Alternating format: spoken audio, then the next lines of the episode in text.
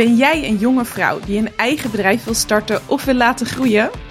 Of juist wil gaan voor een topcarrière in het bedrijfsleven of de politiek? Of juist op een andere manier impact wil maken? Dan is het gratis programma van de Young Lady Business Academy de plek voor jou. In deze gratis Career Academy voor jonge vrouwen leer je alles wat je moet weten om jouw droom waar te maken. Je krijgt les van 18 ervaren ondernemers, politici en topvrouwen. Je netwerkt met andere ambitieuze young ladies en je krijgt de kans om je droom te pitchen aan een bevlogen jury onder leiding van zakenvrouw van het jaar 2017, Elske Doet. Enthousiast geworden? Schrijf je in voor de eerstvolgende Academy Week, live bij het Erasmus Center for Entrepreneurship en start vandaag nog met het realiseren van je dromen. Let op, de inschrijfdeadline is 30 oktober. Zien we je daar? Hoi en leuk dat je luistert naar alweer een nieuwe aflevering van de Young Lady Business Academy. De podcast waar we in gesprek gaan met succesvolle vrouwen over het bereiken van hun dromen en doelen. Vandaag belooft een hele interessante aflevering te worden, want we gaan het hebben over zingeving en verbinding. Mijn naam is Laura Bas, publiekspreker en Gen Z-expert en tevens jullie podcasthost. Tijd om door te gaan naar de gasten. Mijn eerste gast is geboren in de Bijbelbelt, waar ze een groot deel van haar leven doorbracht in de kerk. Ze verruilde haar veilige omgeving voor Amsterdam, waar ze theologie ging studeren in combinatie met bedrijfskunde. Tijdens deze studie kreeg ze het nieuwe inzicht om de kerk van onderop te willen hervormen, waar ze ook het gelijknamige boek Bottom Up Kerk over schreef. En dit is niet alles, want Tabitha van Krimpen is ook de jonge theoloog des Vaderlands geweest. Tabitha van Krimpen, Ja, welkom. dankjewel. Leuk om hier te zijn. Ik ben benieuwd. Mooi. Dan ga ik over naar onze tweede gast. Ze groeide op in een streng islamitisch gezin in de Kolenkitbuurt in Amsterdam-West, waar ze besloot om haar ervaringen te delen in een allesonthullend boek genaamd Ik ga leven. Ze keerde zich af van het geloof en haar boek werd een absolute bestseller die in meerdere talen is vertaald. Ondanks dat ze door veel mensen wordt gezien als een held, ze genoeg geld heeft verdiend om de komende jaren niet meer te hoeven werken, had haar boek wel het gevolg dat haar familie en vrienden zich van haar distancieerden. Lale Gul, ik ben ontzettend vereerd dat je hier bent vandaag. Dankjewel, ik ook. Het is een eer. En ik ben super benieuwd naar het gesprek. Leuk. Ja, gaan we over naar de eerste vraag. Lale, ik ga bij jou beginnen. Ik vertelde net al, je hebt een, eh, een boek geschreven, werd een absolute bestseller. Iedereen had het ineens over je. Eh, ik gaf ook al aan, het is hele grote gevolgen voor je gehad. Je familie en vrienden hebben uiteindelijk eh, zich van je gedistanceerd. We zijn nu twee jaar verder sinds de publicatie eh, van je boek. Hoe kijk je erop terug? Is het het nou waard geweest om dan zo'n alles onthullend boek te schrijven met dit als gevolg? Ja, dit, op deze vraag is er een heel lang antwoord, maar ik ga het kort houden. Achteraf wel, kan ik zeggen, maar ik heb ook momenten gehad van heel veel spijt. Ik heb rechtszaken gehad, eh, heel veel aangiftes. Maar ook dat ik, ehm, ja, bijvoorbeeld van mijn eigen zusje, die pas 12 is, heb gehoord van, ja, waarom moest je dat kutboek nou schrijven? Dus ja, het heeft wel een mentale tol geëist, zeg maar. Dus ik heb eh, momenten gehad van spijt, maar achteraf kan ik ook wel zeggen, door alle positieve e-mails die ik heb gekregen, door alle mensen die ja, echt dol enthousiast naar me toe komen, kan je mijn boek signeren, want je hebt me super erg geïnspireerd. Of ik heb ook mijn leven omgegooid. Ja, door, door die mensen en door die enorme drive dat, eh, wat dat me geeft, eh, kan ik wel zeggen dat ik uiteindelijk, ja, ik doe, ik heb alles nu te danken aan dat boek, dat ik columns mag schrijven, dat ik hier zit. En ik heb heel veel vrienden ontmoet en ik heb heel veel mensen blijkbaar in hun kracht gesteld om hun leven om te gooien. Dus het zou een beetje ondankbaar zijn om dan te zeggen, ja, ik uh, had ik het maar niet gedaan of zo. Had je dat verwacht van tevoren, zowel de, de mooie als de moeilijke kanten daaraan? Um, Nee, eigenlijk niet. Ik bedoel, als je een totale nobody bent en student aan de VU die Nederlands studeert en niemand kent je en je schrijft een boek, dan kan het echt alle kanten op gaan. En vooral als je het in de coronaperiode tijdens de lockdown uitgeeft, uh, wat bij mij uh, het geval was, toen de winkels en de ACO's en de Bruna's allemaal dicht waren. Toen kwam ik met mijn boek en ik dacht echt van ja, uh, dat komt in een paar boekwinkels. Ja, misschien uh, lezen honderd mensen het en voor de rest, ja, weet ik veel of, of, of iemand het uh, opvalt. Ja. En op een gegeven moment, ja, het begon allemaal toen ik bij, door op één werd uitgenodigd om daar over mijn boek te praten. Toen ging het eigenlijk helemaal ineens rollen, terwijl daarvoor was het ook al drie weken uit en toen wisten veel minder mensen ervan. Dus ja, door, door de media is het gewoon heel erg gaan rollen. En ja, dat had ik niet verwacht. Ja, je gaf net aan dat je ook al momenten hebt gehad waarop je spijt had. Kan je ons meenemen naar zo'n moment? Wat ging er toen door je heen en, en wat voelde je? Kijk, ik, ik heb het best wel impulsief gedaan allemaal. Ik ben eigenlijk best wel een impulsief mens. Ik denk niet heel goed na over de dingen die ik doe. Dus op een gegeven moment kwam ik op het idee om een boek te schrijven. En dat zou ook helemaal niet in eerste instantie mijn foto hebben en ik zou een andere naam gebruiken. Nou, op een gegeven moment is het Anoniem zo wilde gelopen. je eigenlijk. Ja, dus op een gegeven moment is het zo gelopen dat, dat dit de kaft is geworden en, en met mijn echte naam. En toen woonde ik nog thuis en ik had eigenlijk helemaal geen escape plan of zo bedacht. Dus op een gegeven moment had de uitgeverij ook tien eh, exemplaren gestuurd naar mijn huis. Want dat heb je als je een boek publiceert, dan krijg je een paar exemplaren opgestuurd. En ik weet nog dat mijn ouders het uitpakten en zeiden van, oh, wat is dit voor boek? En waarom sta je erop en zo? En dat ik helemaal in paniek was en dacht van, oh shit, nu is mijn boek natuurlijk uit. En ik moet snel uh, een excuus verzinnen. Dus had ik maar gelogen dat het uh, helemaal niks met mij te maken heeft. En gewoon een verzonnen verhaal was en zo. Nou, toen had ik ze een beetje voor de gek gehouden. En dat geloofden ze nog wel. En ik woonde gewoon nog steeds thuis. En ik wist gewoon niet waar ik naartoe zou gaan als ze erachter zouden komen dat het wel over mij zou gaan. En Voelde je toen een tikkende tijdbom toen je Ja, ouders dat uh, dus op een gegeven moment uh, had ik heel erg het idee dat ik elke dag op eieren liep. En uh, ik wist gewoon niet wat ik ging doen. Hoe lang Nou, duurde het voordat ze dat boek uiteindelijk hadden gelezen? Nou, ze hebben het nooit gelezen, maar ze hebben van andere mensen geholpen. Want mijn moeder spreekt geen Nederlands en mijn vader die spreekt niet genoeg Nederlands om het te begrijpen. Maar ze hadden van anderen gehoord, vooral na mijn optreden uh, op tv, dat het vooral ging, dat het vooral heel negatief was over het geloof, over mijn moeder en dat, uh, dat ik allemaal seksuele scènes en zo erin had. En dat is natuurlijk gewoon ongehoord in die gemeenschap. Dus um, op een gegeven moment weet ik nog dat, dat thuis echt de oorlog uitbrak en dat uh, ooms en tantes en zo, die gingen me helemaal uitschelden en die wilden ook fysiek worden en zo. Mijn broertje moest me beschermen. Nou, het was echt één grote Turkse soap toen. En uh, ik weet nog dat mijn moeder flauw viel en zo. Dus ik moest echt het huis uitvluchten om veilig te zijn. Waar ging je toen naartoe? En het was toen um, ja, echt midden in de nacht. En ik had gewoon nergens om naartoe te gaan. Ik mocht, ik mocht ook geen spullen inpakken. Ik mocht ook geen koffer inpakken of zo. Maar was je zelf weggegaan of werd je echt het huis uitgezet door jou? Ik was zelf weggegaan omdat zij uh, fysiek wilde worden en me alleen maar gingen uitschelden en zo. En dus er was gewoon geen normaal leven meer voor mij in dat huis. Ze ging ook de hele tijd mijn telefoon afpakken en ik mocht ook geen interviews meer doen. En ze zeiden ook dingen als, ja, je gaat er nu voor zorgen dat alle boeken uit de winkels gehaald worden en zo. Dat soort dingen die gewoon totaal niet realiseerbaar waren. Maar dat snappen ze dus niet. En ze dwongen me ook, zeg maar, om de uitgeverij te bellen, om alle boeken weer van de pers te halen en dat soort dingen. Nou, op een gegeven moment dacht ik van, oké, hier heb ik geen leven meer, dus ik ga het huis uitvluchten. Maar dat mocht niet van ze, dus ze gingen dan voor de deur staan en dit en dat. Dus het was één grote drama dat ik eigenlijk daar weg moest komen en ik kon ook niks meenemen. Dus op een gegeven moment had ik de burgemeester gebeld, want die had mij, uh, die had over mijn boek gehoord en die had me een paar dagen geleden daarvoor, had ze mij een appje gestuurd van uh, Femke Halsema dus, van uh, als je in de problemen komt kun je me altijd bellen. Nou, toen was het dus drie uur s'nachts toen ik uit huis ging.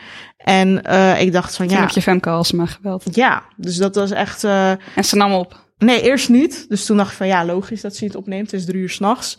Dus toen dacht ik, oké, wat nu? Ga ik vrienden bellen? Maar ik had ook weinig batterij. Dus ik wist ook niet precies van wat ik ging doen en zo. En op een gegeven moment belden ze gewoon terug. En uh, ze zei van ja, als je naar dit en dit adres gaat, dan uh, ben je veilig. En uh, kun je daar even de komende tijd rustig een onderkomen hebben.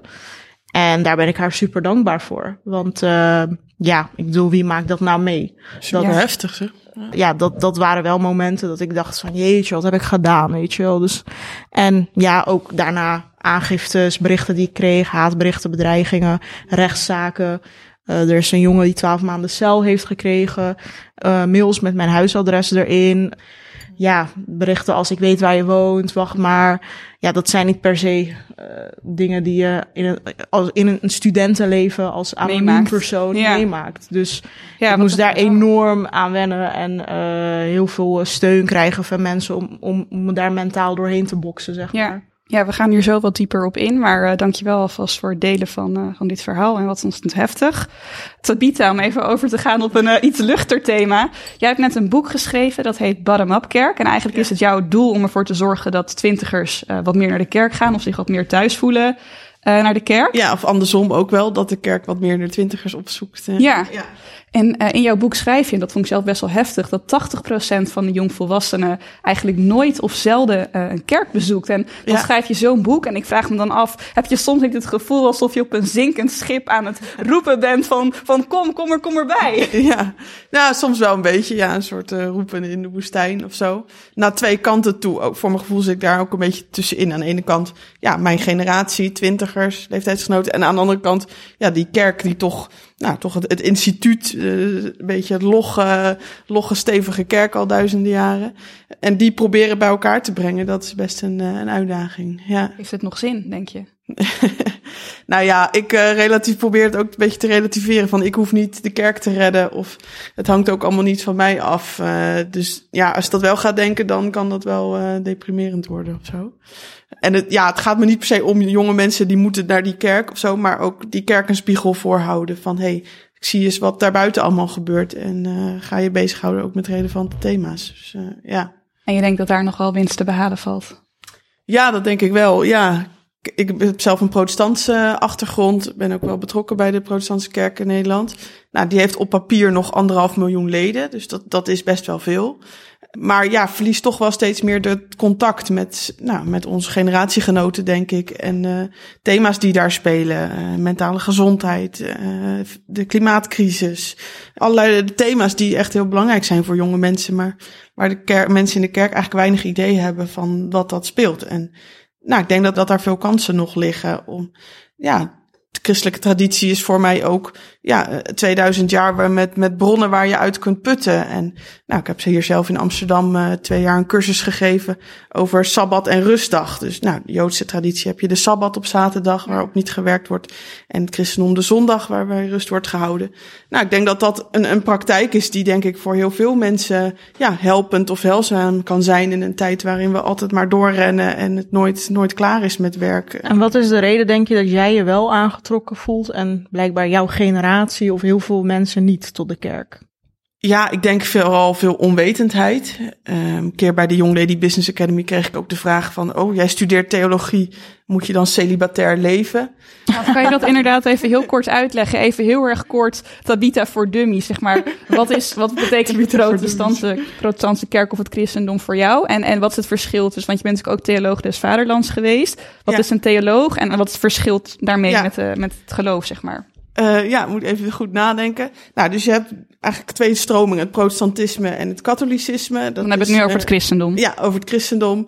Uh, rond 1500 was er uh, Maarten Luther die zei, nou, we moeten weer naar de kern van het geloof, weer terug naar hoe dat in de Bijbel beschreven is. Ehm, nou, dus toen zijn die katholieke kerk en protestanten zijn gesplitst. Uh, vooral in Nederland en Duitsland is dat protestantisme erg groot. Nou, we hebben nog wel eens spreekwoorden over, nou, wat ben jij Calvinistisch als je heel zuinig bent of zo. Maar dat, nou, dat, dat zit er niet per se in, maar dat is wel het idee daarvan. Um, nou, mensen die in een kerk werken, dat noemen we dan predikanten of een dominee, die daar in dienst is van de kerk om op zondag ja, een, preek te houden, een dienst voor te gaan. Uh, rituelen rond, uh, rond dopen uh, bij het begin van het leven, als mensen gaan trouwen of, of uitvaarten leiden. Ja, dat is een beetje hoe, hoe dat geloof vaak is. En in Nederland of ja, waar ik me een beetje tegen verzet, is dat de kerk toch ook een soort vereniging vaak is geworden. Waar je lid van moet worden om überhaupt te weten wat er een beetje speelt. En dat voor mensen die daar buiten staan, eigenlijk dat helemaal niet zichtbaar is van wat gebeurt er überhaupt in, achter die kerkdeuren. Dus daar liggen denk ik nog wel veel, veel mogelijkheden. En nou, ik heb zelf dan eerst in Nijmegen theologie gestudeerd, waar wat meer katholieke, ja, meer katholieke achtergrond heeft. En wat is theologie? Uh, ja, theologie is formeel de leer van God. Ja, dat klinkt heel groot en zwaar. Ja, wat kun je vanuit ook wetenschappelijk perspectief over, over God en geloof zeggen? Dat is een beetje. De, en gaat dan over alle vraag. Uh, nee, dat gaat over het christendom. En als je alle geloven, dan heb je religiewetenschappen. Dat is ook een, uh, een andere studie. En ja, wat doe je dan bij zo'n studie? Uh, nou, ik heb bijvoorbeeld Grieks en Hebreeuws geleerd, dat je echt die oude teksten kan lezen. Ja, wat dus de Bijbelse teksten zijn. En we hebben het over ethiek, over kerkgeschiedenis. Nou, allerlei verschillende soorten thema's. En dat vind ik nog altijd heel interessant. Ja, en hoe heeft jouw theologiestudie jouw blik op het christendom of het protestantisme verruimd? Ja, interessante vraag. Ik kom best wel uit een ja, protestants, nou, Bijbelbelt zei je al, milieu waarin dat geloof heel erg vanzelfsprekend was. En al vanaf jongs af aan had ik ook wel vragen van ja, waarom nou op deze manier en hoe zit dat dan precies? En in de kerk ja, kreeg ik toch ook niet helemaal de antwoorden die ik graag uh, wilde of zocht. Heb je die inmiddels al gevonden? Uh, ja, voor een deel wel. Maar... Kan je een voorbeeld geven van zo'n vraag en dan een antwoord? nou, bijvoorbeeld wat een thema wat dan speelde in die tijd was... nou, hoe zit het nou met schepping en evolutie? In de Bijbel wordt dan de... God schiep de, de aarde in uh, zes dagen en hield toen rust. Uh, ja, hoe verenig je dat dan met wetenschappelijke inzichten rondom evolutie? En dus ik heb daar mijn bachelorscriptie uh, over gedaan. Waarbij ik weer naar die, ja, die eerste grote denkers, iemand als Augustinus is daar belangrijk, die nou, toen al mee bezig waren rond de 300 uh, na Christus. En hij zegt al van, nou, je kan zowel, je kan die Bijbel als verhaal lezen, je kan het symbolisch lezen, zo'n scheppingsverhaal. En je kan het ook letterlijk lezen als ja, zes dagen van 24 uur. Maar dat kan naast elkaar bestaan, dat hoeft elkaar niet uit te sluiten. En dat vond ik bijvoorbeeld een heel erg interessant inzicht. Want we denken heel snel van, oh, het is of schepping of het is evolutie. Maar nou, misschien kan dat ook naast elkaar bestaan. En uh, is het, ja, voor mij staan wetenschap en geloof niet per se tegenover elkaar. Mooi. Als ik even samenvat, je had eigenlijk twee stromingen. Je had eerst de, de katholieke kerk en die is ja. toen door, door Luther gesplitst, die het wat soberder wilde. Daar is protestantisme uitgekomen. En theologie is eigenlijk de universitaire studie, de leer van het christendom. Ja, die ook opleidt om in de kerk te gaan werken. Ja. Mooi. Dan wil ik even overgaan naar een, een stelling. En dat is, uiteindelijk is het geloof toch wel echt de stichter van al het kwaad. Lale, hoe denk jij hierover?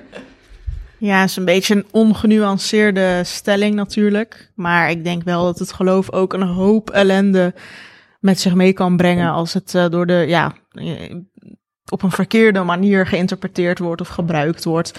Uh, toevallig waren gisteren de verkiezingen in Turkije en de gelovige partij heeft toen gewonnen met, en zijn overwinningsspeech was dan ook anti-LGBT. Wel, alsof dat het grootste probleem is nu in Turkije, maar dat, daarmee krijgt hij echt massa's mensen mee, omdat al die mensen geïndoctrineerd zijn met een bepaald idee van, oh, als we niet op hem stemmen, dan worden al onze kinderen homo's en transseksuelen en onze hele hebben en houden hoe we het kennen en een normale gezinsleven, dat gaat helemaal verdwijnen. En ja, echt hele bizarre waanideeën hebben ze dan. En dat, dat, dat verhaal gaat dan een soort eigen leven leiden en iedereen gelooft daar ineens in. En daar, echt met dat verhaal heeft hij de verkiezingen gewonnen. Terwijl het echt een hele slechte partij is voor het land, voor de economie, voor de internationale positie, voor het bedrijfsleven, noem maar op.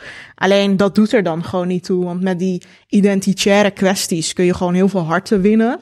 Uh, vooral als mensen ja, gewoon geen opleiding hebben genoten of uit het platteland komen en zo, dan zijn ze gewoon heel erg vatbaar voor bepaalde ja, misinformatie eigenlijk. En uh, ja, met dat soort retoriek kun je gewoon echt massa's achter je aan hebben en uh, ja, ze hersenspoelen bij wijze van.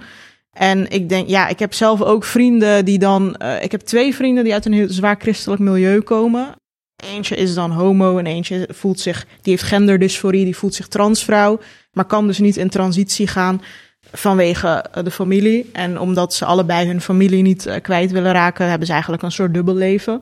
En dan denk ik van ja, het geloof, uh, dat, dat is meestal mijn associatie met het geloof. Ja, de, de, de ellende die eruit voortkomt. Maar dat wil natuurlijk niet zeggen dat ja, heel veel mensen, zoals Tabita ook, daar heel veel mentale rust uit halen. Of het op een ja, niet zo letterlijke manier opvatten en uh, toch een beetje hun eigen draai eraan geven, heb ik het idee. En kijk, dan vind ik het prima, maar helaas als soort van politiek ding, of als het te, te veel macht heeft, dan zie je meestal in de geschiedenis ook dat het uh, misgaat, zeg maar.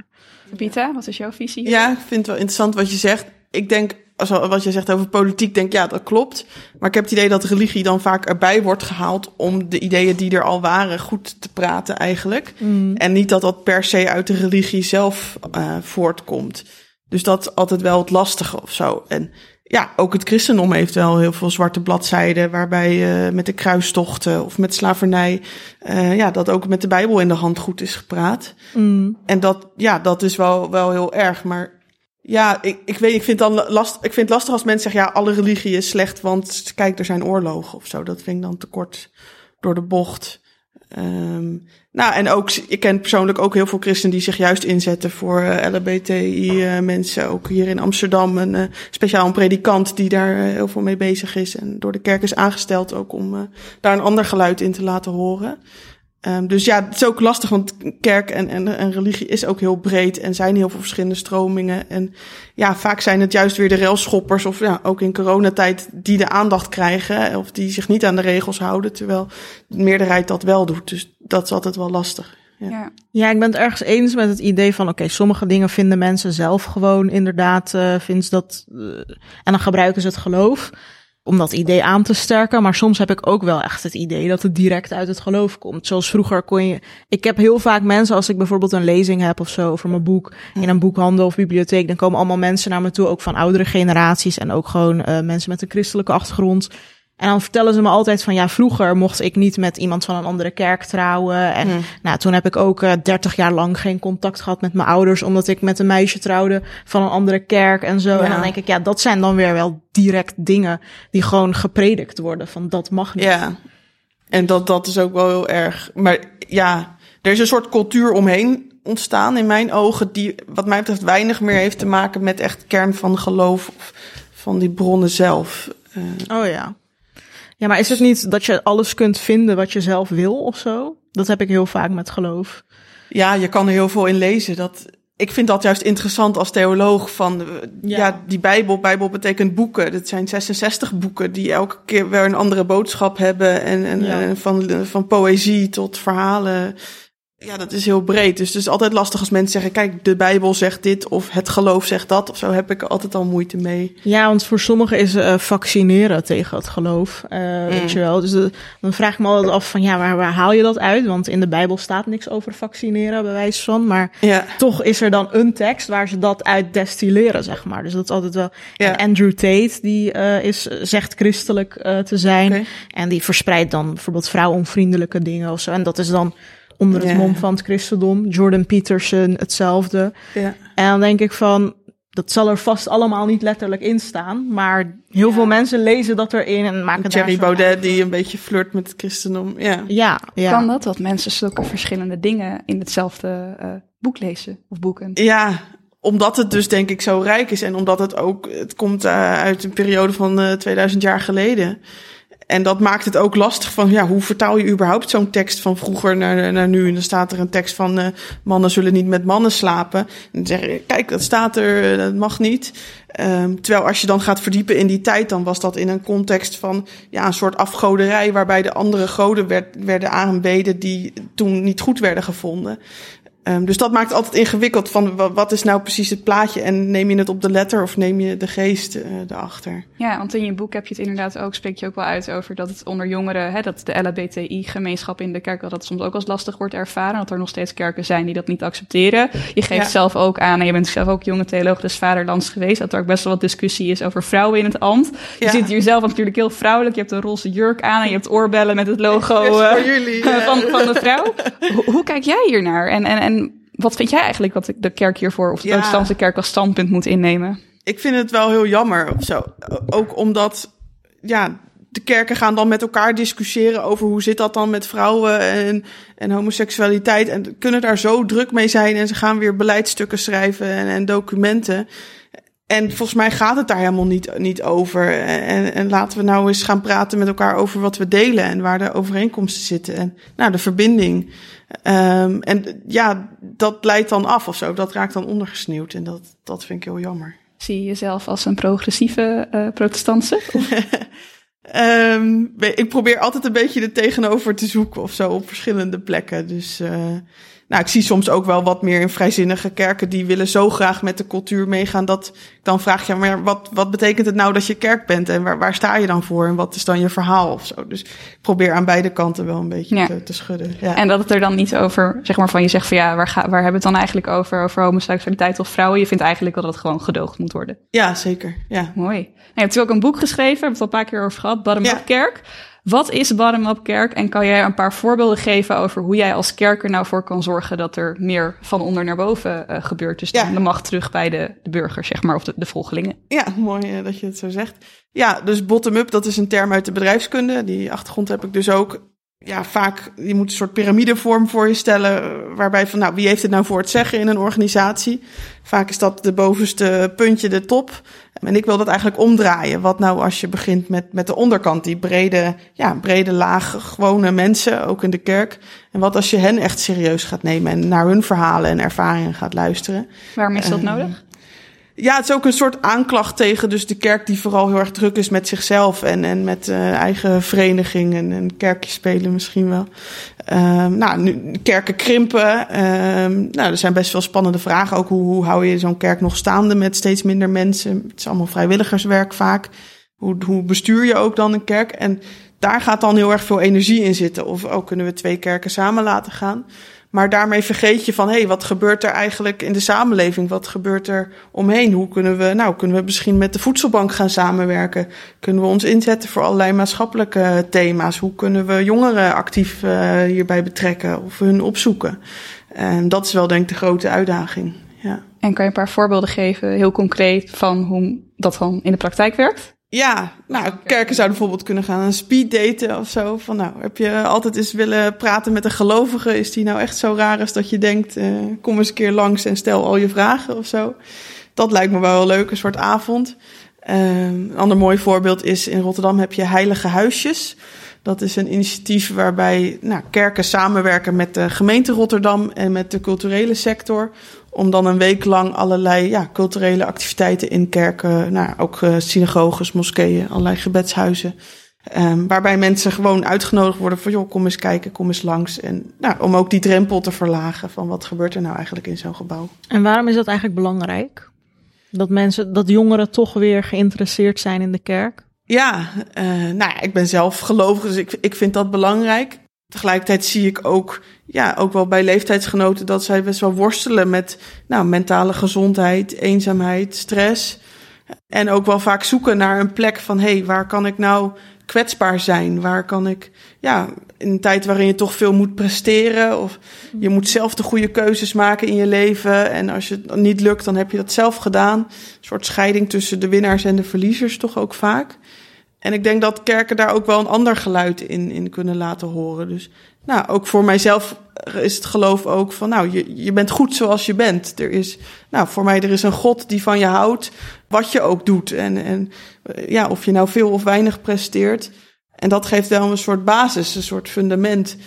Waardoor, ja, ik en anderen denk ik ook wel steviger staan in, in de wereld. En ik denk dat veel jonge mensen ook zoeken naar een soort houvast en, en richting ja, waar, waar, vind je, waar voer je nog dat kwetsbare gesprek ook over allerlei levensthema's? En hoe, voel, hoe heb je een goed leven? Hoe ga je om met relaties? Uh, hoe zet je in, in voor een betere wereld? Je Al dat soort thema's. in je boek dat twintigers nu vooral heel veel gebruik maken van psychologen en van coaching sessies en behandelpraktijken. Ja. Uh, en dat eigenlijk de essentiële vragen heel vaak onbehandeld blijven bij uh, psychologen of coaches. Ja. En dat de kerk daarin een, een antwoord kan bieden. Is dat dan wat je hiermee bedoelt? Of? Ja, ook wel. Ja, ik wil ik, ik zou professionele hulp zeker altijd aanraden en doe daar niks aan af. Maar ik zie ook wel, ja, Nederland heeft 60.000 coaches inmiddels. Iedereen mag zichzelf coach noemen, van uh, opruimcoach, wandelcoach. Voor alles is een coach. En hoe ja, goede bedoelingen die mensen ook hebben. Soms presenteren ze je wel van, nou, volg mijn programma, volg mijn stappenplan. En dan word je gelukkig, dan word je succesvol. Ja, en daar geloof ik eigenlijk niet echt in. En dat helpt juist de verkeerde kant op om die maakbaarheids. Uh, ja, dat verhaal in stand te houden. Van, en als het dan niet lukt, dan ligt het dus blijkbaar wel weer aan jezelf. En, en ben jij de, de mislukkeling. Um, en dat is denk ik wel, wel schadelijk. En ja, die en grotere vragen, die blijven dan dus niet uh, zo aangeroerd van hé, hey, maar wie ben ik nou eigenlijk en wat vind ik belangrijk in het leven? Of nou, ook bij de psychologische kant van nou, hier heb je een paar pilletjes of uh, we gaan zus of zo doen en dan uh, ben je er wel weer bovenop. En hoe begeleidt de kerk je er dan daarin met die essentiële vragen? Ja, ik denk dat dat kerk wel een traditie heeft waarin we daarin ja, ook bronnen hebben en teksten hebben van hé, hey, je bent niet de enige. Uh, Bijbel staat vol met, met falende mensen eigenlijk. En dat vind ik ook wel weer heel erg hoopgevend uh, in die zin. Of, uh, nou, soms zeg ik wel eens van nou, een predikant of een pastor is de enige professional waar je een goed gesprek mee kan voeren die geen factuur stuurt achteraf. Dus het idee dat je als gemeenschap zegt: hé, hey, wij vinden dit belangrijk, wij betalen samen een professional die zich inzet voor onze gemeenschap. Ja, dat is wel heel bijzonder, denk ik. In deze Ja, tijd. dus eigenlijk in een wereld waarin we op Instagram alleen maar fitnessmodellen en succesvolle ondernemers eh, zien, Ja. is, heeft de kerk een soort van boekwerk wat eigenlijk heel veel voorbeelden geeft van mensen die, ja, die dat niet hebben en die ook al gefaald hebben. ja, en ik zie ook veel jonge mensen die zoeken naar wat is nou nog authentiek, wat is nou echt. Eh, je ziet op, op Instagram inderdaad genoeg mensen die jou beloven een goed en succesvol leven, maar er zit dan toch wel weer een commercieel model of iets achter vaak. Ehm, dus ja, gewoon een bepaalde oprechtheid, denk ik, die, die denk ik wel meer in de kerk ook te vinden is. Ja. Een soort inclusief spiritueel verhaal. Ja, dat is wel mijn hoop. En ja, de praktijk is ook vaak weer barstig, daar ben ik me wel bewust van. Mm. Ja. Mooi. Lale, om nog even terug te gaan eh, naar jou. Je vertelde net natuurlijk al over je boek wat je geschreven hebt. Ik vroeg me heel erg af, wanneer was nou het moment voor jou dat je dacht, ik ga alles wat ik meemaak vastleggen met het idee om dat ook uit te gaan geven? Wanneer was dat en waarom? Nou, ik heb dus altijd dagboeken gehad, heb ik nu nog steeds. Ik heb echt allemaal Word-documenten met eh, dagboek 1 en dagboek 2 en zo. Dus ik, ik heb altijd al dat in me gehad van dingen van me afschrijven. En ik denk dat dat is ontstaan omdat ik heel vaak het idee had dat als ik het met mensen deelde, dat ze het toch niet begrepen of niet de reacties gaven waar ik op zat te wachten en zo. Dus dan ga je je op een gegeven moment heel eenzaam voelen en je zoekt dan toch een soort eh, ja, therapeutische sessie. En ja, sommigen hebben dat met eh, God. Dat had ik toen ook wel hoor, toen ik gelovig was. Maar dat was toch niet genoeg of zo. Dus ik wilde het toch van me afschrijven. Dus dit boek is eigenlijk een soort dag, ja, begonnen als een dagboek. Het was gewoon ruzies thuis, gevoelens van eenzaamheid, van frustratie, van me afschrijven, woede van me afschrijven. En op een gegeven moment had ik, weet ik nog, 130.000 woorden, zag ik zo aan mijn eh, linker onderkant van mijn Word-document. Ja, bij 80.000 mag je al een boek uitgeven, volgens mij. Toch? Nou, Komt even. Nou, sommige boeken zijn zelfs maar eh, 40.000 woorden. Dus eh, dat, dat maakt niet uit eh, hoeveel woorden het is. Maar ik dacht op een gegeven moment van... wow, ik heb eigenlijk gewoon een heel boek geschreven... aan, aan soort van gevoelens en eh rants, zoals ik het noem. eh relaas. En um, op een gegeven moment dacht ik van... misschien kan ik dit wel uitgeven. Misschien kan ik daar gewoon mensen mee helpen. Maar het was toch altijd een soort vaag idee van... ja, misschien wel, misschien niet. En ik deed er eigenlijk niks mee. Totdat ik, want ik studeerde dus Nederlandse taal en literatuur op de VU. Ik had op een gegeven moment een vak dat heette creatief schrijven. En dat werd uh, gegeven door Arnold Grunberg en Kees het Hart. Dus twee uh, bekende schrijvers. Ja, heel leuk. En uh, op een gegeven moment uh, had ik dus dat vak, want dat was gewoon onderdeel van mijn studie. Maar er waren ook allemaal andere studenten die dat vak volgden, want je kon je er gewoon voor inschrijven of zo. Nou, op een gegeven moment zat ik daar colleges te volgen over hoe je creatief schrijft. En ja, dat was zo motiverend, want ik kreeg eigenlijk gewoon zin om te schrijven. En ik dacht van ja, dit, dit kan ik gewoon. En ik heb eigenlijk de tekst al, want dat is mijn dagboek. Dus als ik dat nou gewoon een beetje ja, hier en daar aanpas en zo, dan kan het misschien wel een roman worden. En toen weet ik nog dat ik in de laatste week van dat vak moest ik een tekst van 4000 woorden of 3000 woorden uh, moesten we inleveren voor een cijfer uiteindelijk. Want dan moest je laten zien dat je die technieken hebt toegepast of zo. En toen had ik dat ingeleverd en toen kreeg ik van beide docenten een 10 als enige student. Oh. En uh, toen had uh, Arno Grunberg nog een notitie eronder gezet van dit is een project om voort te zetten. Oftewel, uh, je kan het uitgeven misschien. En dat was eigenlijk het eerste moment dat ik dacht, weet je wat, ja, waarom ook niet? Ik ga dit gewoon doen. Ik ga dit gewoon helemaal zitten herlezen, herschrijven. En ik ga het gewoon publiceren. Ja, kan mij dat schelen? Misschien help ik daar iemand mee. Dus het was een vrij impulsief idee van... Ja, waarom niet? Als zij zeggen dat ik het kan, dan kan ik het waarschijnlijk ook wel of zo. Ja, dus de leraren hebben daarin wel echt een hele belangrijke rol Ja, zeker. Gehad. Dat was echt het eerste moment dat ik dacht, ik ga, fuck it, ik ga het gewoon doen. En je gaf ook aan, je had oorspronkelijk het idee om het anoniem te doen, dus onder een andere naam. Ja. Waarom heb je er dan toch voor gekozen om het onder je eigen naam te doen? Nou, uh, op een gegeven moment kwam de publicatiedatum steeds dichterbij. En ik had al gezegd van nou, dat moet gewoon totaal anoniem, andere naam. En niet mijn foto, maar een tekening en dit en dat. En mijn uitgever zei van ja, weet je dat wel echt zeker? Want dan kun je dus niet als jij, want een uitgeverij heeft ook een PR-afdeling en die doet eigenlijk zijn best om jou ja, in de kranten, op tv en zo te krijgen. En ze promoten dat boek eigenlijk. En op een gegeven moment zeiden ze van, ja, weet je wat zeker? Want dan kun je dus niet je boek aan de man brengen eigenlijk. Want je kunt dan niet op tv verschijnen of een foto van jezelf laten maken. En dan uh, kan het ook zo zijn dat het verhaal niet geloofwaardig is. Want hoe weet een lezer dat dit werkelijk een bestaand verhaal is van jou? Het kan ook door een PVV'er geschreven zijn, bij wijze van, of een oude witte man. Dus daar kom je als lezer niet achter. Het kan dan ook fictie zijn. En dat haalt toch een beetje de kracht uit het verhaal, want het kan door anybody geschreven zijn. En toen ben ik wel heel erg gaan nadenken van, oh ja, shit, ja, dan heb je dat gezeik weer. Van ja, misschien denken ze dan dat het helemaal niet waar is, of weet ik veel wat.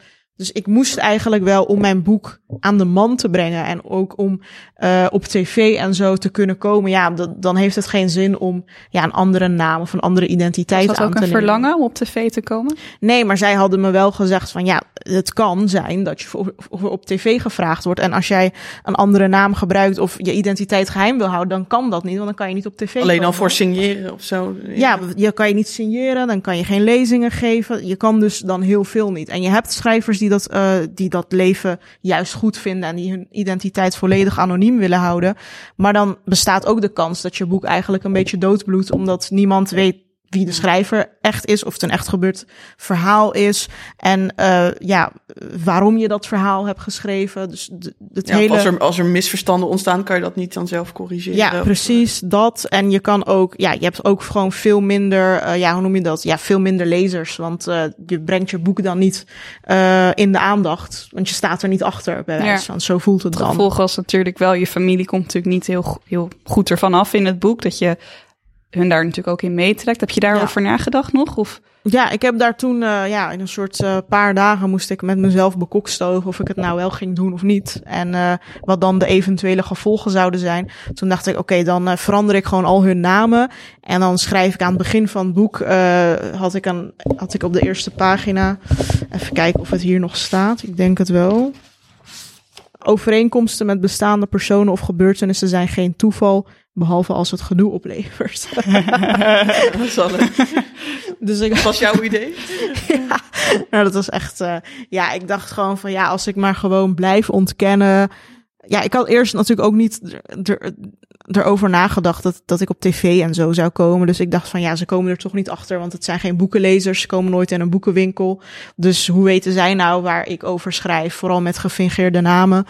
Nou, op een gegeven moment is dat dus helemaal in mijn gezicht ontploft eigenlijk. Hoe kijk je daar nu op terug? Vind je het naïef van jezelf als je er... Uh... Ja, achteraf denk ik echt, was ik nou gek of zo? Maar het is, kijk, achteraf is dat heel makkelijk gezegd, want nu is het achteraf. Maar ik bedoel, hoeveel schrijvers van 23 breken nou met een debuut helemaal door en kunnen overal aanschuiven? Ik bedoel, dat komt echt nauwelijks voor. Dus um, het is ook eigenlijk niet zo gek dat ik dat heb gedacht. Dat, uh, dat misschien een of andere literair tijdschrift erover zou schrijven en that's it.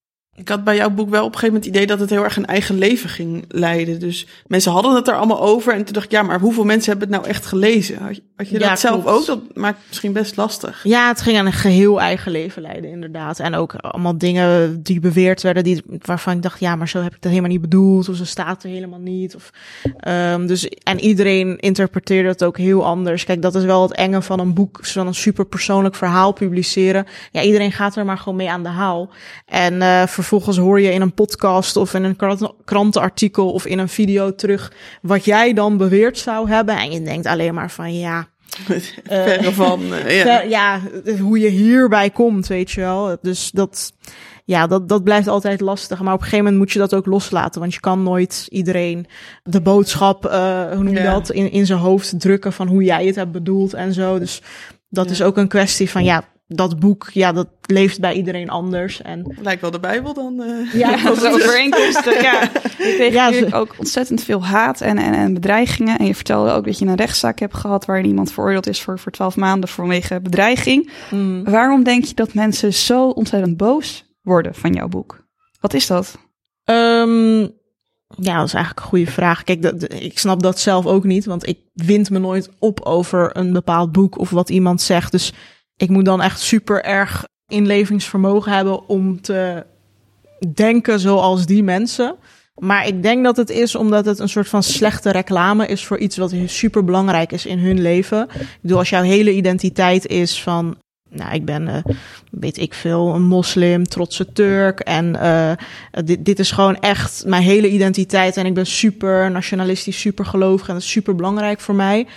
En dat iemand daar dan een beetje ja, de spot mee drijft. Of dan, dan kan je je persoonlijk heel erg aangevallen voelen. Terwijl ik heb het niet over jou als persoon of zo. Maar ik heb het gewoon meer over de ideeën die jij kunt hebben als aanhanger van dat geloof. En ik bekritiseer dan een aantal van die ideeën. En dat, dan kun je zeggen van nou uh, ja, ja, ja, zij denkt er anders over. Maar ja, dat is een heel soort van rationele, nuchtere positie die je moet hebben, wat heel veel mensen niet hebben. Dus dan voelen ze zich enorm persoonlijk beledigd en aangevallen. En alsof ik een soort van slechte reclame maak voor hun levensstijl. En uh, ja, zo, zo vatten zij dat op. Ja, Tabitha, ik ben wel benieuwd hoe jij er naar kijkt. Want vanuit jouw achtergrond ook als theoloog, want in Nederland krimpt het christendom natuurlijk ook al jaren. En ik heb wel het idee dat wij in Nederland ook best wel ons vaak uh, kritisch uitlaten over, over het christendom. Hmm. Maar daar komt niet zo'n zo'n tegenreactie op. Hoe, hoe kan dit, denk ja, ik zat ook nog wel over na te denken, ook in de aanloop naar dit gesprek. Nou, ook christenen kunnen wel die neiging hebben hoor. Misschien in wat mindere mate, maar ja, ik denk misschien is dat toch ook wel weer bij geloof dat als je ergens helemaal van overtuigd bent en dus nou, dit is wat mij betreft de waarheid en als mensen daar recht tegen ingaan, dan voel je dus inderdaad ook persoonlijk aangevallen. En uh, ja. ja, voel je ook de noodzaak misschien wel om daar iets tegen in te brengen of, of ja, uit te spreken. En dat is niet erg. Hè? Ik bedoel, uh, iedereen mag zich uh, tegen mij uitspreken, mij terug beledigen, er een boek over schrijven waarom het juist wel een geweldig ge geloof is. Ik bedoel, dat is allemaal niet het probleem. Het probleem is natuurlijk als ze gaan dreigen met geweld en met mijn veiligheid en zo. En dat gedeelte snap ik nee. ook niet, wat je, wat je dan bezielt. Maar dat is gewoon, ja, domheid, denk ik. Ik ja. weet het niet. Maar je hebt er geen directe verklaring voor. Ja, ik denk dat mensen ook zich een soort onmacht van... hé, hey, maar zij eh, komt nu met dat verhaal en, en trekt daarmee ja. volle zalen... en wij kunnen daar niks tegen doen. Uh, je, kan er, je kunt er wel tegen... Je ja, kan altijd op een rationele manier gelukkig, ja. Nee, je kan natuurlijk zelf ook een boek schrijven... en zeggen waarom het juist geweldig is. Of waarom mijn boek uh, helemaal... ja, ik ga ook ik leven. Wil. Ja, precies. Waarom het helemaal niet klopt. Ik bedoel, je kan het op een intellectuele manier aanpakken. Je kan er columns over schrijven, boeken over schrijven. Je kan ook de media opzoeken, et cetera. Maar het, het valt me dan op dat ze, daar zijn ze dan niet toe in staat, dit soort figuren die dan dreigen met geweld. Want dat, die, die woordenschat hebben ze niet, of die, ja, ze voelen inderdaad die onmacht. En dan grijpen ze naar geweld. Dat, dat idee heb ik heel ja, erg. Terug. Lala staat natuurlijk ontzettend bekend om haar durf en haar lef. En in jouw boek geef je aan dat je vindt dat de kerk ook wel wat meer durf en lef uh, ja. mag tonen. Kan je daar voorbeelden van geven? Waarin moet de kerk wat uh, meer durf tonen? Ja, nou ja, in dus een tijd waarin de kerk ook best wel onder druk staat. Nou, ik heb een bedrijfskunde gedaan, dus vind ik dat de kerk ook wel wat meer ondernemerszin zou mogen laten zien. Dus nou, ga maar eens gewoon proberen met nieuwe vormen. Uh, nou, laat die traditie af en toe eens los om te kijken wat er nog meer mogelijk is. Um, dus ja, gewoon een beetje experimenteren. Uh, nou, Waarmee zouden ze kunnen experimenteren? Ja, ik begin de achterkant van mijn boek. Uh, waarom niet een abonnement op de kerk in plaats van actie kerkbalans? Dus nou, de traditionele manier is dat je gaat flyeren bij alle mensen die bij de kerk horen van hey, wil je dit jaar weer wat geld geven? Nou, dat kost heel veel moeite en gedoe weer elk jaar om dat te doen. Nou, en ja, wij hebben gewoon een abonnement op uh, Spotify, Netflix, sportschool. Nou, waarom kan je niet ook een abonnement dan afsluiten op de kerk? En dan zeggen, nou, wat is de kerk je dan waard als je dat vergelijkt met Netflix of zo? Mm. En dat past veel beter bij het denken van, ja, van, van jonge mensen. En nou, één kerk heeft dat dus gedaan. En daar blijkt ook uit dat mensen dan meer geld geven. Omdat ze dan per maand een bedrag geven in plaats van per jaar. Dat kan je me dan even meenemen, hoe werkt dat dan? Je sluit een abonnement aan en dan mag je gewoon iedere zondag naar de kerk. Of, ja, ja. of één keer in de maand. Eerder hadden of... ze een heel groot uh, iets dat je echt verschillende abonnementsvormen kon hebben. Ook met, uh, nou, dat je dan online, een, als je alleen de online kerkdienst wil volgen of zo, dat je dan een klein bedrag betaalt. Of een soort familieabonnement. Uh, all-inclusive. Uh, maar nu hebben ze dat gewoon redelijk simpel. Alleen, alleen de benaming is eigenlijk anders. Ja. En nog wel steeds met iedereen is welkom, ook als je geen abonnement hebt. Dus dat is dan nog wel belangrijk. De kerk heeft eigenlijk gewoon charismatische mensen nodig die het een beetje sexy maken. ja. Het is inderdaad gewoon super oudbollig en stoffig hoe het allemaal gaat. Ja. Maar zo'n Jordan Peterson trekt wel gewoon abonnees, volle zalen. Ja. Uh, zijn boeken die gaan als warme broodjes over de toonbank. En dat, die, die vertel, die stopt toch ook bijbelverhalen in een nieuw jasje en zo? Ja, hij gebruikt wel vaak bijbelverhalen. Voor hem gaat het dan meer een soort om de mythe en om, ja, weet je, dit, Ja, maar hij onderschrijft wel gewoon niet dat traditionele gezinsleven en de conservatieve ja. waarden. En ik bedoel, dat is echt een super aantrekkelijk verhaal. Maar de kerk is eigenlijk slaagt er gewoon niet in om dat Ja. op die manier te brengen. En hij in zijn eentje wel. Ja, zou misschien wel kunnen zeggen dat hij net iets anders doet dan wat ik doe.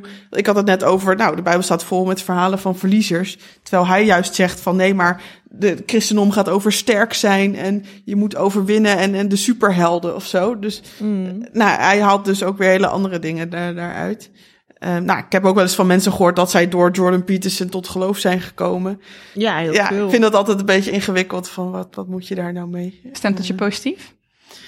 Ehm, nou, ik ben niet per se fan van Jordan Peterson of zo. Dus dat, dat, dat vind ik dan ingewikkeld. Maar Ja. nou, hij heeft blijkbaar wel iets wat mensen aantrekkelijk vinden. En dat vind ik in die zin wel interessant. Ja. Ja, om nog even in de moed- en, en durfsfeer te blijven. Je geeft eh, in je boek ook aan dat de kerk zich wat meer zou mogen uitspreken over seksualiteit. En daarin heb je een Ja. voorbeeld gegeven over dat er een eh, themaavond was georganiseerd waarin seksualiteit eh, besproken werd. En dat dat een hele positieve uitkomst had. En dat twintigers of jongvolwassenen zich ontzettend gehoord eh, voelen. Ik heb soms een beetje het idee dat in de samenleving heel erg een beeld heerst dat de kerk heel erg preuts is omtrent seksualiteit. Herken je dat? Ja, in sommige delen wel. Dat is toch een beetje zo het vingertje van, eh, of, ja, het klassieke idee, geen seks voor het huwelijk. Ehm, dat is wel aan het veranderen, maar ik heb het idee dat veel kerken dan denken, oh, nou, we willen ook niet te streng zijn en zo, dus we hebben helemaal nergens meer over. Dus ehm, seks is geen thema meer. Maar dan trek je het weer juist in de taboesfeer en dat is denk ik ook niet goed. Dus zo'n avond waarin dan iemand vertelt wat voor mooie gesprekken ze daar hebben, jongens en meiden onderling. Ehm, ja, dat, dat vind ik heel, heel erg mooi. En eh, ja, ik denk dat dat ook een plek kan zijn waar dus alles besproken kan worden. En veel jonge mensen die kijken toch gewoon Temptation Island en ja, je ziet van alles langskomen. En dan denk ik wel van ja, maar wil je dat dat je, je, ja, je seksuele beeld vormt? Of kunnen we het ook hebben over ja, hoe heb je een goede relatie? Of nou, ik zie ook wel in mijn omgeving mensen worstelen met ja, hoe blijf je eh, in een lange termijn relatie bij elkaar? En, en hoe ga je dan met verleidingen om? Of ja, we leven toch in een tijd waarbij veel mensen een soort eh, je, ja, je wordt opgegroeid met het idee, je moet altijd het beste en het perfecte. En oh, als ik een leuker eh, partner tegenkom, dan heb ik die liever dan mijn eigen partner. Ehm, terwijl dat op de, ja, op de lange termijn niet altijd helpend is. Want hoe sta je er zelf in omtrent eh, ja, het verkennen van je eigen seksualiteit? eh dan met hoe jij er vanuit je geloof naar kijkt of hoe je er zelf in staat? Ja, ehm, vind ik lastig. Ik ben ook wel zelf opgegroeid met dat meer traditionelere idee. Ehm, ja, ik, ik ben ook wel voorstander van ook de ruimte om, om je eigen lijf te ontdekken. En eh, hoe werkt dat dan? Wat vind ik fijn? Waar liggen mijn grenzen? En daar, ja, daar überhaupt gesprek over voeren, dat, dat gebeurt al, al vaak weinig. Dus laten we daar dan eerst eens mee beginnen. Vind je dat de kerk daar wat soepeler in mag zijn? Dat eh, ook met zeg maar seks voor het huwelijk en, en daarin, zoals je aangeeft, je lijf verkennen, dat daar wat soepeler op, op gereageerd mag worden? Ja, ja, nou in veel kerken is dat ook al wel, uh, is er niet een harde norm of zo in. Uh, maar ja, maak het dan in ieder geval een thema en, en bespreek dan ook, ja, het zou ook mooi zijn als, als jong en oud daarover in gesprek gaan van, hey, hoe, hoe hebben jullie dat dan gedaan? Of wat is nou het geheim van een goed huwelijk? Of uh, verschillen ook daarin tussen generaties? Dat zou wel heel interessant en mooi zijn. Mooi.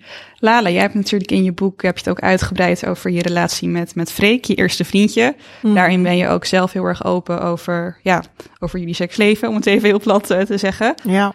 Je droeg natuurlijk op dat moment leidde je nog een, een dubbel leven. Je droeg een heel groot geheim uh, met je mee. Want je, je, mensen om je heen kon natuurlijk helemaal niet weten dat je een relatie uh, had. Hoe was dat voor jou om, om je eigen seksualiteit te ontdekken, uh, terwijl je er eigenlijk met niemand over kan praten? Hoe heb je dat gedaan?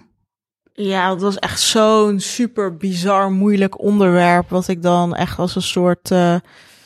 Ja, waar ik gewoon niet uitkwam. En wat me echt dagelijks, jarenlang bezig hield. Omdat je wordt. Uh, nou, ik ging vanaf mijn zesde naar de Koranschool in het weekend. Dat is elke uh, zaterdag en zondag van tien tot drie. En dan word je eigenlijk alleen maar geleerd van. Nou, seks, dat, dat is gewoon. Weet je wel, dat mag niet bestaan totdat je gaat trouwen. Uh, in de Turkse cultuur doe je dan echt zo'n rood lint om, wat dan je maagdelijkheid symboliseert of zo. En dat gaat je vader dan op de bruiloft dat, dat doorknippen en zo. Van oké, okay, nu ben je vrij.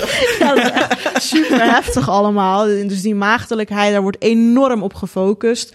Er zijn ook allemaal verzen en zo vanuit het geloof van ja, als je niet maagd het huwelijk ingaat, het heeft echt uh, enorme repercussies. En dan ben je ook uh, ja, gewoon niks meer waard, want dan heb je geen eer en zo. Je familie heeft dan geen eer. Dus het is allemaal, uh, die maagdelijkheid is echt super belangrijk tot aan het huwelijk.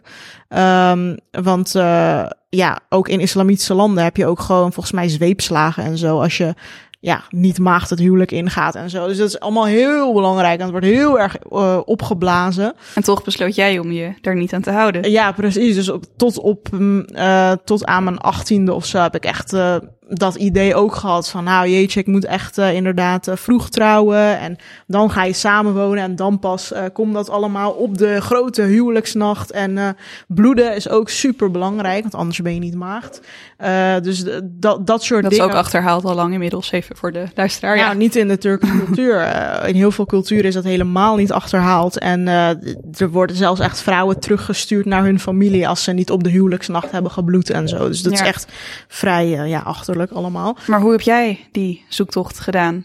Nou, op een gegeven moment um, werd ik dus verliefd en kreeg ik een vriendje. En nou, dan zit je dus de hele dag in een soort spagaat van... oké, okay, ik vind dit, maar ik heb een niet-moslim-Nederlands vriendje... wat al niet mag. Sowieso mag je geen relatie voor het huwelijk. Maar ik vind het toch super erg exciting en fijn om hem aan te raken... en daarmee te zoenen en uh, uh, ja, verder dan dat te gaan en zo. Dus je zit ja, enorm uh, in een soort um, ja, zelfkastijding eigenlijk in je hoofd. Spagaat. Ja, gewoon echt een spagaat waar je niet uitkomt. En daar heb ik echt toen, volgens mij zes maanden in totaal, zat ik in een relatie. En dat ik elke keer gewoon echt enorme schuldgevoelens had. Elke keer als ik uh, ja, iets probeerde te doen of dacht van, oh ja, ik merk aan mezelf dat ik toch meer wil of het fijn vind of het wil ontdekken. En dan stop je toch jezelf, dan gaat de rem er weer op en denk je van, nee, dat kan gewoon niet. Dus je zit gewoon echt enorm met jezelf te strijden ook. En uh, nou, dat, dat, zou, dat zijn dan begeertes van de duivel en zo wordt je dan gezegd. En je gaat erover opzoeken en zo. Nou, op een gegeven moment dacht ik van, nou, ik vind het gewoon onzin. Want waarom zou het nou niet kunnen? Iedereen doet het. En hoezo zou dat slecht zijn? Dus op een gegeven moment ging ik het heel erg rationeel benaderen van, oké, okay, maar waarom is het nou slecht? Of waarom zegt het geloof dit? Ja. En, ik, en, je was natuurlijk ook gewoon heel erg verliefd. Ja, en ik was gewoon super verliefd. Dus op een gegeven moment dacht ik, weet je wat, ik, uh, ja, fuck it, ik ga wel gewoon toegeven aan die verleiding en dan kijken wat ik ervan vind. En uh, ja, als ik spijt krijg, dan heb ik maar spijt of zo. Ik weet niet, op een gegeven moment ging gewoon de knop om van, ja, ik weet niet, en ik begon ook steeds meer te twijfelen aan het geloof, dus dat hielp wel mee. Ik dacht van, ja, waarschijnlijk is het toch allemaal bullshit en zit, zit ik mezelf nu voor niks te remmen, zeg maar. Dus uh, nou, toen ben ik dat gewoon uh, gaan doen en uh, remmen los en ja, nooit meer teruggegaan eigenlijk. En ook nooit spijt van nee. gehad. Dus dat scheelt. En je hebt dan zo'n eerste keer bijvoorbeeld gehad. Dat is natuurlijk voor een vrouw. Ik merkte zelf aan mijn eerste keer bijvoorbeeld dat ik het wel heel fijn vond om daar even met vriendinnen over te hebben. Ja. Had jij in die tijd überhaupt iemand los van je vriend met wie je daarover kon praten? Nee, nee. Dat was echt een heel groot geheim toen, dat, wat ik met me meedroeg. En ik kwam ook thuis en ik dacht van, oh ja, ik ben geen maagd meer. En uh, ja, uh, ik voelde me een heel ander persoon of zo, omdat dat zo groot is gemaakt in je hoofd. Identiteitsding. Ja, dat is echt een heel identiteitsding geworden. Terwijl ik denk, ja, oh, maar wacht, mijn leven gaat... Het ziet er precies uit zoals gisteren eigenlijk, deze dag. Dus op een gegeven moment kom je er ook achter dat het niet zo'n big thing is, zeg maar. Maar ik had er wel echt al heel veel forums over gelezen en websites. Ik bedoel, tegenwoordig heb je wel gewoon die heel veel informatie op internet, dus dat scheelt. Dus dan kan je jezelf gewoon een beetje onderwijzen. En je hebt natuurlijk vloggers en YouTubers en uh, hele cursussen op YouTube van uh, wat, hoe alles hoort en wat nou goed is en wat nou niet goed is. En dus zo. daar dus heb jij gewoon... eigenlijk je, je kennis uitgehaald. Ja, dus te, als, ja, als je tegenwoordig internet hebt, kom je er wel uit. Maar soms vind ik dat ook wel ingewikkeld, want op internet heb je seksualiteit is heel erg aanwezig aanwezig. Maar dat is toch vooral het, het, het fysieke, het plastische, of inderdaad, hoe hoort het? Dan denk ik, ja, volgens mij kan heel veel als je het maar samen goed en fijn hebt. Ja, maar je hebt natuurlijk ook gewoon de educatieve websites, zeg maar. Ja. Ik bedoel, ik, ik ging niet naar Temptation Island kijken of Nee, zo. nee. Maar ik ging gewoon op sense.info of zo, of dat soort websites. Ging ik gewoon alles lezen. Voor de luisteraar. Ja. Tip. Ja, maar ook van hoe, ja, hoe stem je emotioneel op elkaar af of zo? Of hoe verken je dat ook? Ja, ook de kwetsbaarheid die denk ik bij Ja, maar daar kom je ook gewoon een beetje achter met vallen en opstaan of zo, heb ik het Hmm. idee. En ja, kijk, je kan je erover inlezen en zo, maar op een gegeven moment, ja, is het gewoon... de, ook de juiste partner die je kunt vertrouwen en zo. En, en waarmee gewoon alles fijn voelt en zo. Gewoon in een veilige sfeer. Dan komt het uiteindelijk gewoon goed of zo. En het gaat vanzelf, heb ik het idee. Dus op een gegeven moment, nu vind ik het ook helemaal geen big thing meer. Maar toen, ja, als je dat zo de hele tijd ingeprent krijgt. Van ja, dat is zoiets groots. Daar, daar hangt je hele eer van af en Ja. zo. Ik ben ook nog wel benieuwd. Laat een stuk twee jaar sinds je boek is uitgekomen met als titel Ik ga leven. Ben je gaan leven? Eh, ja, leuke vraag. Ik, eh, ik doe mijn best.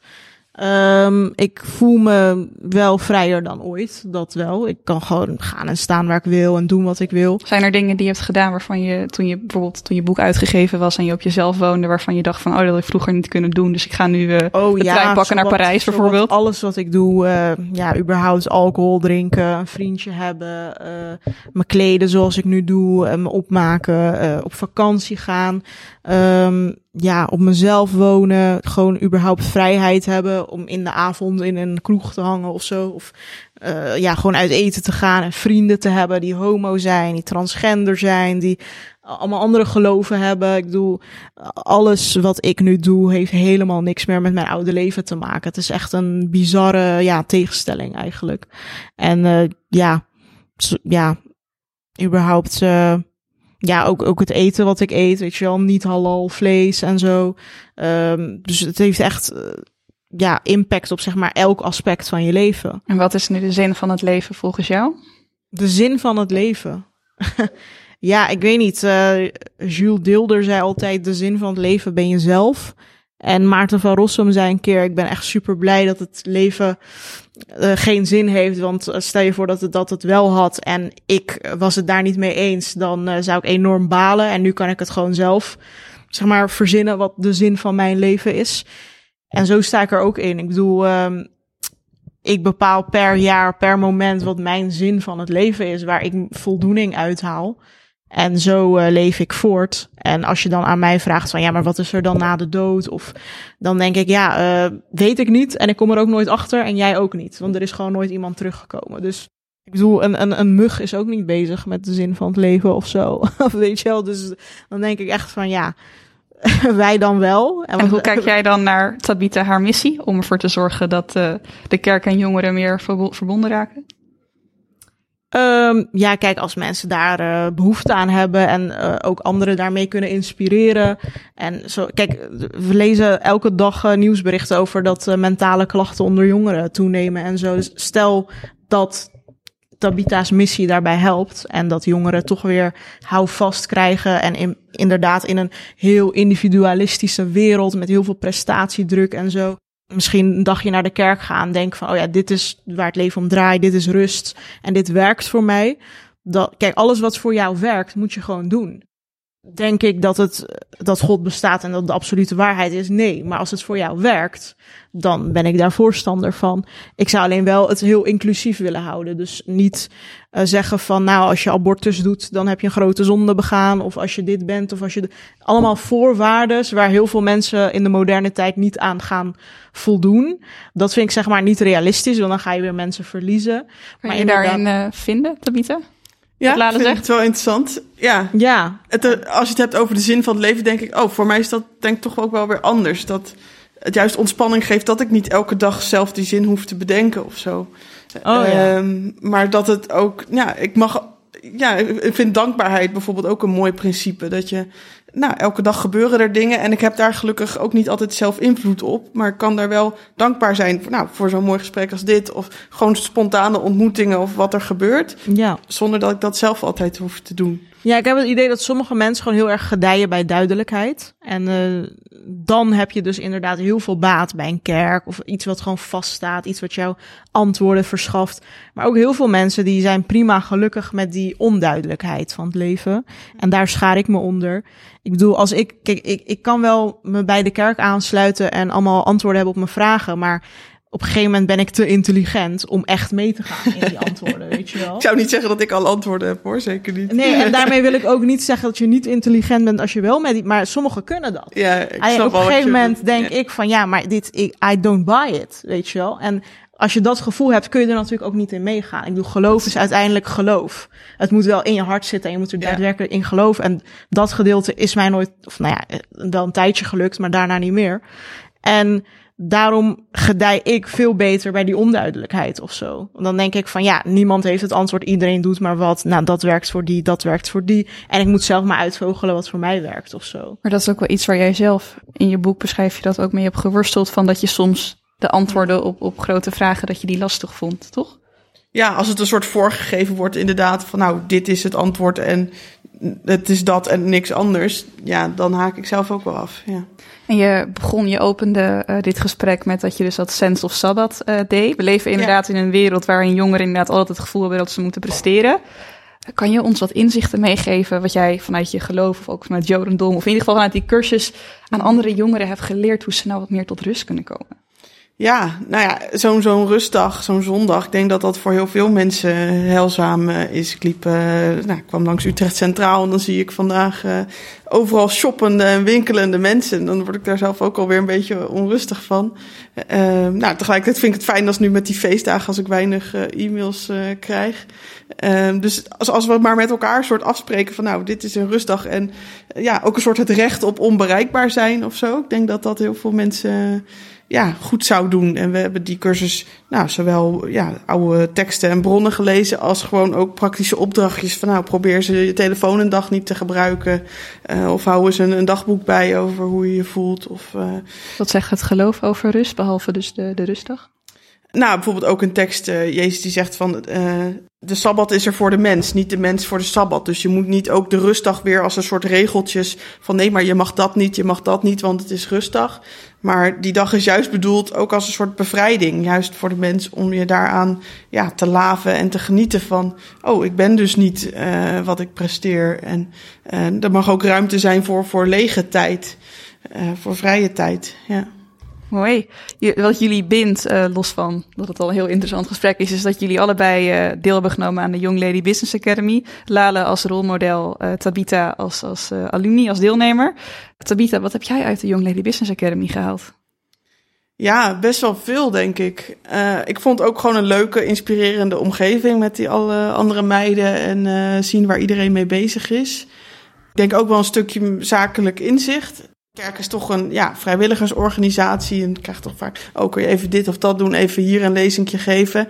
Nou, dus het mag soms ook wel wat commerciëler of professioneler wat mij betreft. Van, nou, voor mij is dit gewoon werk en daar hoort ook een bepaalde tarief bij. Ehm ja, ook wel een stukje gewoon buiten mijn bubbel en al die, die gesprekken met, met iedereen. En ook wel weer van, nou, hoe, ja, wat is dan mijn verhaal? Hoe presenteer ik me naar buiten toe? Um, we hadden toen nog een filmpje na afloop van die hele week van de Young Lady Business Academy, waarbij je nog je missie. En toen had ik een soort, verraste ik mezelf dat ik zei van, ja, ik wil graag de stem van mijn generatie binnen de kerk worden of zo. En dat was wel het eerste moment dat ik dacht, oh, dit is dus wel echt iets wat ik wil of zo, wat al onderhuids een beetje speelde. En sindsdien is dat eigenlijk ook wel steeds meer zo geworden. En nou, vind ik ook terugkijkend wel heel leuk om te Heb je zien. die missie volbracht? Heb je nu het idee? nou, die is niet snel volbracht, maar nou, dat is wel ja, de lijn waar ik nu op zit. Ja. Lala, jij hebt een eh, masterclass gegeven tijdens de Young Lady Business Academy. Wat heb jij eh, jonge vrouwen meegegeven in deze masterclass? Ehm, nou, het is alweer een tijdje geleden, maar volgens mij was het dat vrijheid wel een grote prijs kan hebben, maar het toch waard is. En dat, uh, dat je je niet moet terugdeinzen, omdat, kijk, als jij heel erg het idee hebt van dit wil ik en dit maakt mij gelukkig en eigenlijk de situatie waarin ik me nu in bevind, dat willen anderen van mij, maar ik word daar niet gelukkig van, dat je toch de moed en de kracht moet hebben om voor jezelf te kiezen, omdat niemand anders dat gaat doen voor je. Ik denk dat dat een beetje de strekking van mijn verhaal was.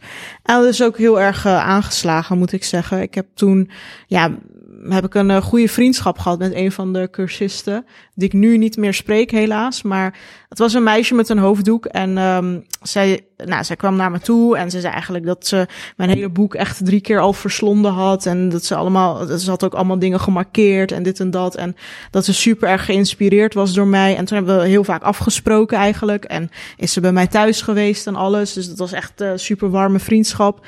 Uh, en ze vertelde ook dat ze heel graag, ja, eigenlijk haar hoofddoek niet wilde dragen en alles eromheen. Maar dat ze wel heel erg nog in die fase zat dat ze wel nog twijfelt of ze niet gelooft of wel gelooft. En uh, zich dan wel zondig voelt en zo. Dus zij struggelde heel erg daarmee. En op een gegeven moment ja, had zij toch gekozen om bij het geloof te blijven, zeg maar. En ja, dat moet ze dan ook vooral doen verder. Maar ze, ze, voelde zich heel erg ongemakkelijk toen in het contact met mij. Dus dat is een beetje, ja, toen doodgebloed. Maar ik weet nog dat wij in de trein zaten een keer in de avond. Hadden we samen gegeten of zo. En toen hadden we echt best wel een ja, stevige discussie met haar over het geloof en alles waar zij aan twijfelde en zo. En het was ook iemand met die ik heel goed kon levelen, want het was gewoon een super intelligente dame eigenlijk. En uh, ik weet nog dat, ja, wij waren toen op een gegeven moment helemaal vergeten dat die coupé gewoon vol zat. En we gingen maar gewoon de hele tijd discussiëren. En uh, op een gegeven moment uh, waren we klaar met discussiëren, maar het was gewoon respectvol, maar het ging wel gewoon stevig eraan toe. En toen kwamen drie ja, blonde jongens naar ons toe van ja, we hebben eigenlijk alles uh, gevolgd van wat jullie zeiden. En wij zijn gewoon in shock van hoe intellectueel dit eraan toe gaat en hoe inhoudelijk en hoe inspirerend dit gesprek was. Jullie gingen echt de diepte in en allemaal hele existentiële vraagstukken. En ja, complimenten dat jullie dat ja, zo kunnen, zo in de trein. En ja, we hebben er echt van genoten en zo. Mooi, dus een dus vriendschap dus, met Lale Gul kan je ook overhouden aan de Young Lady Business Academy. Ja, zeker. Ja, ik spreek haar nu niet meer, maar ja, het was echt leuk. Ja, Tabitha, waar sta je over vijf jaar? Ja, goede vraag. Wat ik nu doe vind ik heel erg leuk. Een beetje die, die link tussen uh, bedrijfskunde, theologie, samenleving. Dat hoop ik ook nog wel echt te blijven doen. Nou, promoveren aan de universiteit is nog wel een soort droom. Maar ik weet het nog niet. Nee. Promoveren op theologie? Of? Het liefst een combinatie, maar dat is makkelijker gezegd dan gedaan. Mooi. Lale, waar sta jij over vijf jaar? Oh, ik, uh, ik heb echt geen idee. Ik leef een beetje met de dag. Maar ik, ik, hoop, ik hoop als het aan mij ligt, gewoon uh, nog steeds schrijven. Uh, nieuw mensen boek? inspireren. Ik hoop een nieuw boek, columns, podcasts. Ja, alles wat ik kan om ja, gewoon andere mensen een beetje te inspireren eigenlijk. Mooi. Dan de allerlaatste vraag. Stel je bent een jonge vrouw tussen de 15 en de 25 en je twijfelt of je je op moet geven voor de Young Lady Business Academy. Gewoon doen. gewoon doen. Ja. Gewoon doen. En uh, je krijgt er sowieso geen spijt van. Het is echt super inspirerend. Zelfs als je er helemaal uh, niks mee gaat doen, zeg maar. Of niet iets met jouw studie of weet ik veel wat te maken. Of dat je geen problemen hebt in je leven en verder gelukkig bent of zo. Het is altijd leuk om daar gewoon bij te zijn. En die verhalen aan te horen en met nieuwe mensen kennis te maken. Ik bedoel, je kan er gewoon vriendschappen aan overhouden. Je weet het niet, dus... Misschien kom je ooit wel in deze podcast. Uh, het kan ja. alles gebeuren. Ja. Precies. Genoeg aan mogelijkheden. Tabitha, jouw boek is inmiddels uh, verschenen. Waar kunnen luisteraars die bestellen? Ja, dat kan op mijn eigen website bottomupkerk.nl. Dus staat alle informatie daarop. Leuk. Super. Nou, Lale, jouw boek kunnen we gewoon uh, in alle boekhandels en bol.com bestellen. Dus, uh... Ja, ik weet, nog niet, ik weet niet of het in de boekhandels nog ligt, maar... Nou ja, komt er nog. Je, ja. je kan het krijgen. Ja, nou dan wil ik jullie ontzettend bedanken voor jullie tijd. En uh, ik vond het een heel mooi en inspirerend gesprek. Gelijks. Dankjewel. Wil je meer weten over de Young Lady Business Academy of zelf meedoen aan dit bijzondere traject? Ga dan snel naar ylba.nl en geef je op. Deelname is gratis en life-changing. Let op, de deadline is 30 oktober.